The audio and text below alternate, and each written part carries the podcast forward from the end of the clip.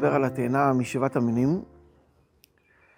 בתאנה יש דבר מיוחד מאוד שאין אותו בשאר המינים.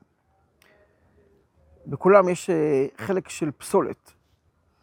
יש אה, מינים שיש בהם קליפות שאינן נאכלות, כמו החיטה והשעורה, ויש כאלה שיש להם גרעינים שאינם אוכל, כמו הזיתים, כמו ענבים, ויש מי שיש לו גם קליפה וגם גרעינים, כמו הרימון. אבל התאנה היא כולה נקייה לחלוטין, הכל זה אוכל שלם, גם הקליפה נאכלת והגרעינים הקטנים, כולם נאכלים כחלק מן הפרי. היא כולה פרי. ויש לשאול, אם באמת התאנה היא כל כך טובה, היא משופרת יותר מכולם, מה היא עושה באמת אה, בחטא הדם הראשון? אה, כידוע, יש כמה שיטות בחז"ל, מה היה הפרי שבו חטא האדם הראשון. כל השיטות כולן נכונות. כל אחד דיבר על זווית אחרת בחטא הדם הראשון. יש שאומרים שזה חיטה, יש שאומרים שזה ענבים, גפן, ויש שאומרים שזה תאנה, כמו שזה רמוז בפסוק, שהם אה, תפרו עלי תאנה. אבל אם התאנה היא כולה נקייה, אה, מה היא עושה שם בחטא? אבל אם נסתכל, נתבונן שאדרבה, הקליפה שיש לה פירות, שזורקים אותה, היא חלק חשוב מאוד מהפרי. כן, אה, הקליפה שומרת על הפרי. יש דבר שנקרא טומאת אוכלים, שזה לגבי הפירות עצמם שמקבלים טומאה, אבל הענפים והעלים אינם מקבלים טומאה. אבל הענף שמחובר לפרי ושומר עליו, הוא נחשב חלק מן הפרי ושומר עליו, חשוב מאוד. גם הקליפה שומרת על הפרי. בכל מיני פגעים, פגעי טבע, פגעים מזיקים, ואילו התאנה, בדיוק להפך. כתוב, כן, אמרו חכמים שתאנה, אם נפילתה נמאסת. אומרת, אם האדם יש לו עץ תאנים, והתאנים נוטות אה, כלפי רשות הרבים ונפלות אה, החוצה, וסתם אדם מתייאש מהתאנים שנפלו, כי ישר הם מתקלקלים, נמאסות, ויש חרקים שאוכלים אותם. אה, נוצר תאנה יאכל פרייה, מי שרוצה לשמור על התאנים שלו, צריך לבוא כל, כל, פה, כל בוקר ולכתוב את התאנים לפני שהם ייפלו, לפני שהם יתליעו. אז דווקא בנקודה הזאת, התאנה, יש לה חולשה, שאין לה קליפה ששומרת עליה. כן, אז לכן כשיש חטא הדם הראשון, דווקא התאנה הנקייה, שאין לה קליפה ששומרת, היא נפגמת. תראו, אבל זה לא רק עניין של הקליפה, זה רק עניין של אה, פירות.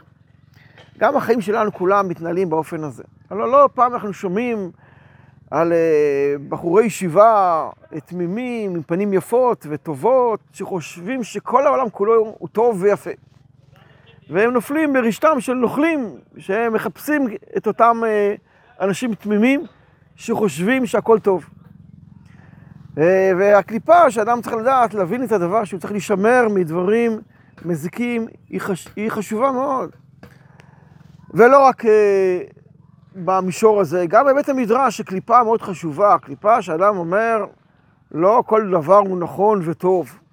אדם חייב אה, להפעיל את תחוש הביקורת שלו, ואם יש אמירה של מישהו, אז הוא מקשה עליו קושיות, ולא כל דבר יגיד לו, תנא דמסייע לך, יש לי... אלא יקשה קושיות כמו שצריך, וקושיות בסופו של דבר, כן, יבררו את האמת, ולא לקבל את כל דבר כאמת מוחלטת. כמובן, לא חלילה לפקפק בדברי חכמים, אבל לברר כל דבר, לברר את האמת שבדבר, וזה חשוב מאוד. אז אם כך, אולי נשאל את השאלה, באמת, אם האדם בעולם הזה צריך שיהיה לו קליפה, צריך שיהיה לו קליפה מגינה עליו, אז למה הקדוש ברוך הוא ברא את התאנה, כמות שהיא, בלי שום קליפה שמגינה, פרי מתוק שכולם אה, רוצים, רוצים אותו והוא נפגם במהירות. אז מה העניין של התאנה, באמת? אבל אם נראה בנבואות לעתיד לבוא, אנחנו רואים אה, כמה פעמים אה, את המשל הזה, כמו בנבואת זכריה, ביום ההוא תקראו איש לרעהו אל תחת גפן ואל תחת תאנה. מה המשל כאן של גפן ותאנה? לפי הפשט אולי נראה באמת שטוב, גפן ותאנה, יש סוכה, יש עלים, מאוד נעים לשבת בצל התאנה, שיש לה, לה עלים רחבים, או בצל הגפן. אבל יונתן מתרגם אחרת את, ה, את הפסוק. הוא אומר, אל תחת גפן, באמת, תחת פרי הגפן ותחת פרי התאנה. הכוונה כאן לא להעלים, הכוונה כאן לפירות עצמם. יש כאן איזה משל, שאומר הנביא לעתיד לבוא. לעתיד לבוא, הגפן והתאנה, יש להם בחינה מאוד מאוד אה, מעולה, שאין בשאר הפירות. כי בגפן, בענבים, הקליפה וה, והגרעינים עוזרים בסופו של דבר ליין, לא רק שהם שומרים עליו, הם עוזרים להתסיס אותו ולתת לו טעם מאוד מיוחד בגלל הקליפה והגרעינים שבה.